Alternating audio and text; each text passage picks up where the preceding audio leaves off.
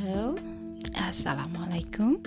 Selamat pagi, siang, sore atau malam Buat kamu yang dengerin podcast ini. Um, Berhubung ini podcast pertama aku Aku ingin perkenalkan diri dulu. Aku seorang ibu dan satu orang putri.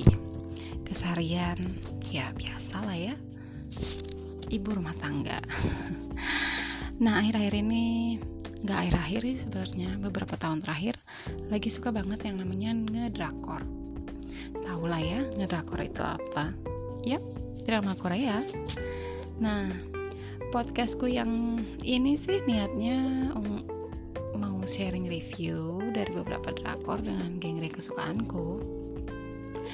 Tapi mungkin nantinya nggak semua isi podcastku ini mengenai review drakor ya Mungkin aja nanti bisa soal kejadian yang lagi happening atau juga pelajaran atau makna hidup yang bisa diambil dari beberapa judul drakor yang sudah aku tonton. Um, bicara soal drakor, tentu ada banyak genre ya. Mungkin kalau kalian yang belum pernah nonton drakor ya nggak banyak tahu ya, tapi uh, ternyata drakor itu banyak genrenya Nah, genre favoritku ini adalah genre thriller, misteri, detektif, fantasi, adult conflict semacam uh, politics dan rumah tangga. Dan ya yang sejenisnya. Buat penggemar drakor dengan genre romance, romance, I mean, mohon maaf banget aku gak bisa kasih reviewnya. Karena aku tuh jarang banget nonton drakor dengan genre ini bukannya gimana-gimana ya tapi emang dari dulu nonton film Hollywood pun sukanya yang genre yang aku sebutin tadi bukan genre romance. Aku tuh tipe orang yang kalau nonton sukanya mikir. Jadi sukanya drakor dengan genre yang mungkin agak berat bagi sebagian orang ya. Tapi buat aku pribadi kalau kita nonton aku pribadi kalau aku nonton sambil mikir itu jadi hiburan tersendiri. Semacam masa otak kali ya. Jadi kalau ada orang yang bilang aduh udah deh hidup itu udah berat udah ribet ngapain lagi nonton yang berat-berat ngapain lagi nonton yang ribet-ribet? Nah di aku tuh beda. Mikirin yang berat dan ribet itulah hiburan buat aku gitu loh. Karena emang dari dulu pun kalau walaupun aku baca novel atau komik sukanya genre misteri atau thriller gitu. Kalau kalian uh, kelahiran tahun 80 atau 90-an pasti tahu detektif Conan ya komik detektif Conan tuh. Uh, itu aku suka banget bacanya sampai ngoleksi juga sedikit tapi ya nggak nggak banyak nggak semua serinya gitu. Nah itu tapi jangan salah juga aku suka nonton genre komedi tapi yang full komedi ya tanpa imbal-imbal romance nah nanti tuh ada judul beberapa judul uh, drakor dengan genre komedi yang bakal aku review yang uh, pantas sih ditonton gitu kan hmm. um,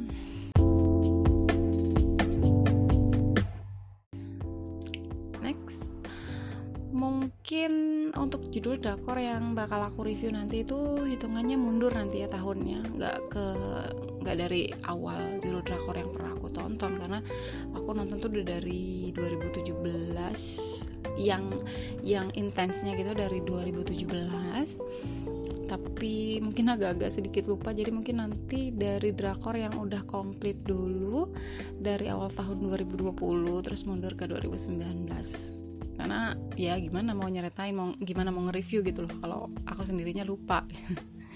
Nah uh, flashback ke awal-awal aku pertama kali nonton drakor tuh sebenarnya udah dari zamannya Song Hye Kyo di Endless Love.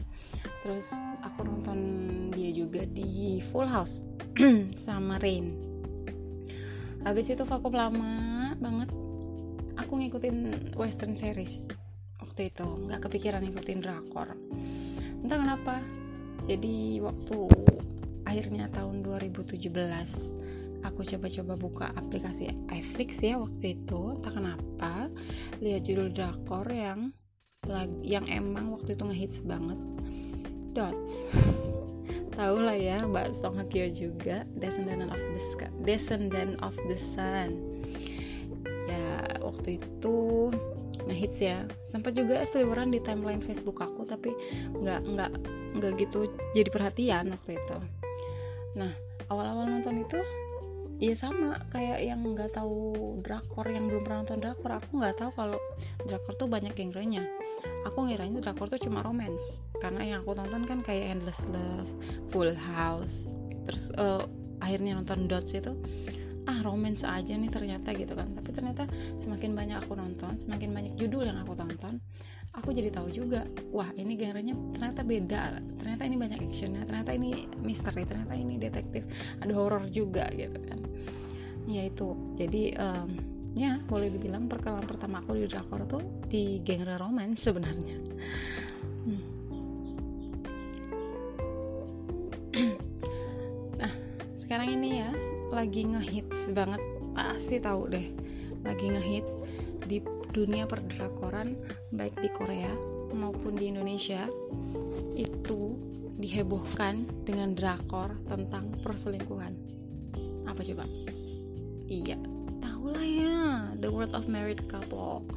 The World of Married Couple yang lagi ngehits banget. Ngehits banget sampai seliweran di mana-mana seliweran di IG timeline Facebook di grup drama pecinta drama Korea yang aku ikutin tuh hampir tiap episode ada yang nge-share hampir tiap episode ada yang nge-share scene-scene-nya itu. Jadi ya emang booming banget tuh sekarang. Sampai ada selegram juga yang yang ngebahas soal itu gitu kan.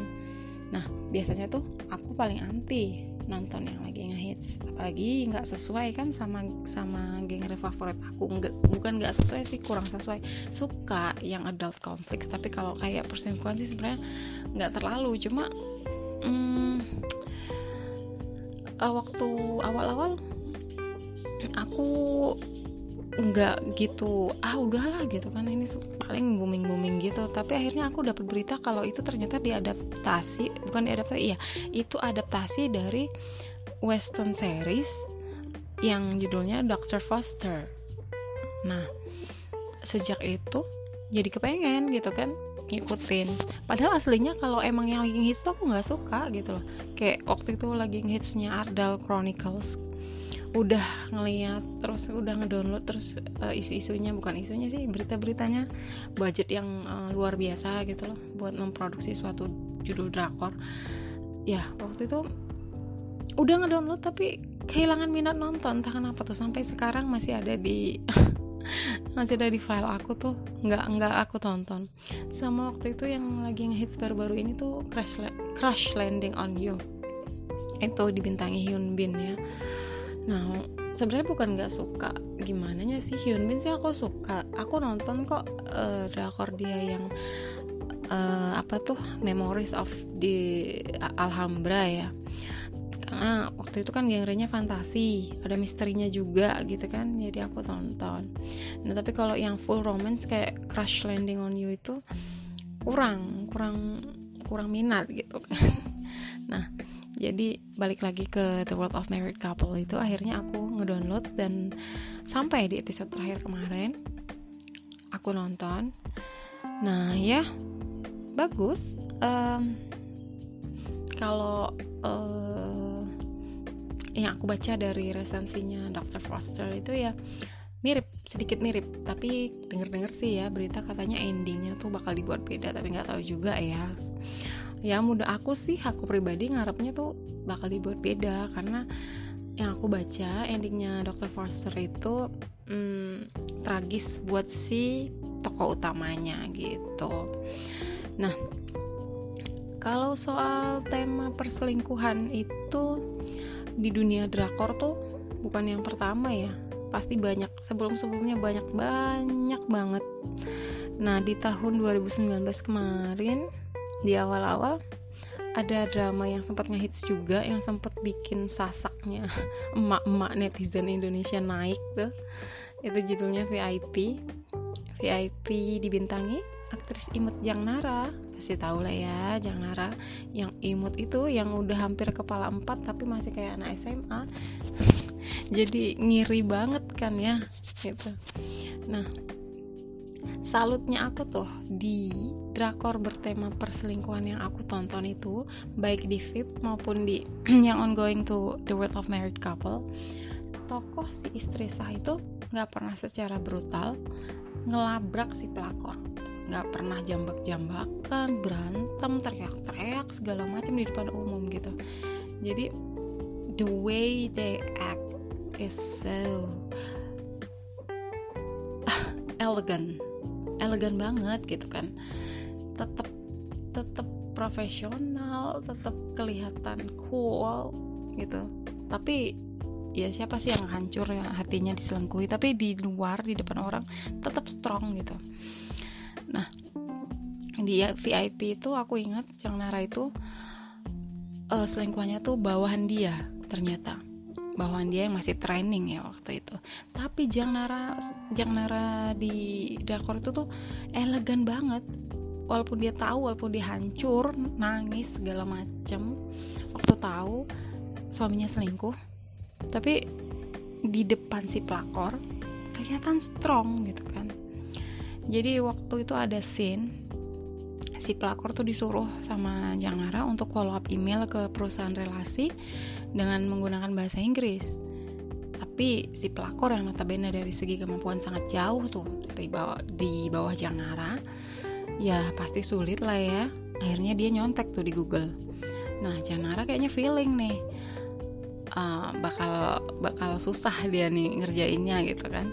Akhirnya Yang Nara suruh uh, coba kirim draftnya balik ke aku gitu kan. Yang Nara nggak bilang apa-apa dia cuma bilang gitu. Terus dikoreksi lah sama Jang Nara dan dikirim balik. Jadi dikoreksi kesalahannya. Jadi tertampar dengan sendirinya gitu. Terus ada scene lagi.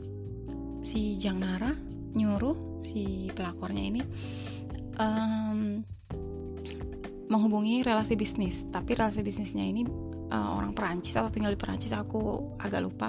Tapi yang pasti harus pakai bahasa Perancis sementara dia nggak bisa kan. Jadi akhirnya Jang Nara yang hubungin gitu dengan santainya. Jadi menurut aku Jang Nara ini berhasil membuat tokoh si pelakor ini minder dengan sendirinya gitu. Tanpa harus gimana gimana tanpa harus berusaha sangat keras gitu. Dia udah minder sendiri tapi caranya tetap elegan udah nunjukin kelasnya gitu loh. Kamu tuh di bawah aku. Ah ibaratnya gitu. Jadi jadi ya salutnya itu sih uh, tokoh-tokoh wanita yang aku suka di di di drakor ini tuh tokoh-tokoh yang strong gitu loh. Jadi uh, bukan menye-menye bukan kayak kayak diselingkuhi terus nangis gura-gura apa segala macam tapi strong strong. Dan caranya elegan gitu loh. Terus waktunya si ibu dokter juga tahu dia tetap strong tetap tetap berusaha kayak nggak terjadi apa-apa di depan suaminya. Karena waktu itu kan uh, niatnya mau cerai tapi tanpa sepengetahuan si suami karena um, bu dokter di tokoh The World of Married Couple ini uh, mau harta-hartanya tuh balik ke dia gitu. Dari dua judul tersebut, aku memetik pelajaran nih. Sesempurna apa pun seorang istri, tetap aja, tetap aja ada celah buat si suami untuk selingkuh. Nah, tokoh si uh, di The World of Married Couple nih ya, Bu Dokter uh, Sunwoo cantik punya karir bagus direktur moda direktur moda gitu loh di sebuah rumah sakit. Terus uh, pintar masak ngurus rumah tangga ngurus anak sendiri. Bahkan mereka punya hubungan intim yang bagus gak ada masalah. Tapi masih juga diselingkuhi gitu kan. Ibaratnya hidup bu dokter ini udah nyari sempurna gitu loh. Dan alasan si suami bikin aku geleng-geleng kepala alasannya karena dia mencintai dua orang dalam waktu bersamaan. hello. Walaupun kamu cinta sama seseorang kamu tuh terikat dalam komitmen pernikahan. Aduh gimana ya? Dengernya bikin emak-emak naik darah gitu kan. Terus di di VIP tuh Jang Nara tuh cantik karirnya bagus. Wakil manajer juga kalau nggak salah tuh. Suaminya tuh manajernya kalau nggak salah di divisi divisi VIP itu kan. Ngurus rumah tangga juga sih kayaknya scene-nya nggak banyak tapi kayaknya iya sih. Tapi alasan si suaminya ini kondisi dia waktu menghadapi keguguran anak pertama mereka. Emang sih waktu itu diceritakan si Jang Nara itu terlalu berlarut-larut dalam kesedihan gitu loh. Jadi setahun dia hmm, tidur di kamar yang terpisah sama suaminya. Tapi kenapa gitu loh? Kenapa kenapa uh, si suami nggak nggak coba ngerangkul? Kenapa si suami nggak coba uh, gimana sih istilahnya ngebujuk atau coba buka pikiran si Jang Naranya ini gitu kan mencoba mengerti gitu loh posisinya. Bukan malah uh, cari pelarian lain gitu loh cari cari uh, tempat berlabuh yang lain gitu sementara si si istri lagi berjuang mengatasi kondisi fisik dan mentalnya yang yang nggak mudah gitu kan. Kehilangan anak pertama yang udah disiapin kedatangannya gitu. Disiapin kamar segala macam gitu kan.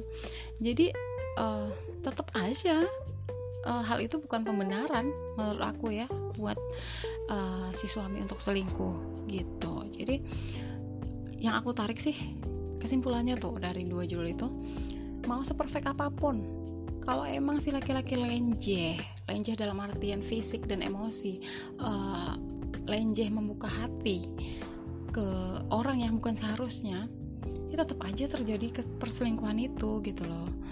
Jadi uh, mau mau perfect gimana pun kalau emang lakinya kalau emang suaminya tuh mata keranjang ya tetap aja gitu loh asarnya gitu kan Selain soal perselingkuhan yang menjadi inti cerita di VIP ini, ada juga cerita lain tuh. Ada sub ceritanya di dalamnya soal toko Min Ah. Yang ibu pekerja itu dia hmm, bawahannya si Jang Nara juga sih waktu kayaknya tuh. Uh, tapi dia udah punya dua anak dan punya suami. Tapi aku suka banget sama tokoh suaminya di situ. Jadi waktu itu diceritain tuh karakternya Min Ah itu hmm, tertekan karena double job ngurusin rumah tangga, ngurusin kerjaan. Sementara si suami nggak bisa sharing urusan rumah tangga gitu. Jadi dia sempet uh, tinggal terpisah, pergi dari rumahnya, tinggal terpisah buat nenangin diri gitu loh. Karena kelihatan stres banget gitu kan. Dan si suami tahu hal itu ternyata mereka bisa gitu loh. Ternyata si suami ini bisa bisa memperbaiki keadaannya gitu.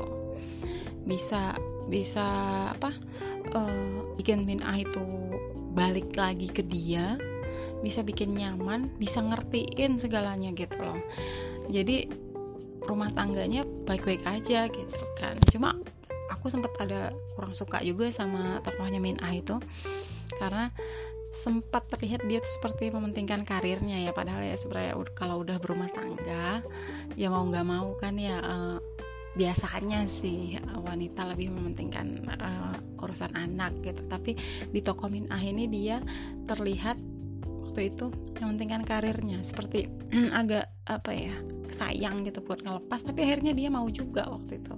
Mau mau ngelepas karirnya. Dan ternyata sebelum dia seperti itu si suami udah sadar duluan udah mau sharing udah mau segala macam jadi ya akhirnya rukun-rukun aja gitu.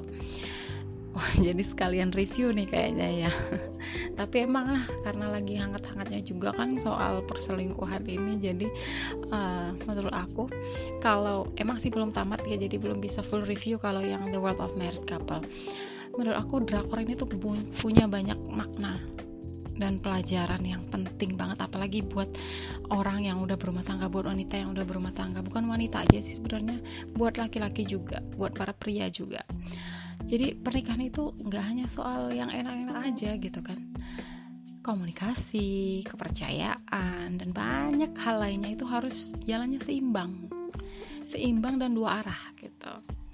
Nah, ketika uh, pernikahan itu mulai goyah karena salah satu pihak yang berulah, di situ juga ada pelajaran. Apakah harus bertahan dengan mencoba melupakan kesalahan dengan taruhan hal yang sama akan terjadi lagi di kemudian hari nih?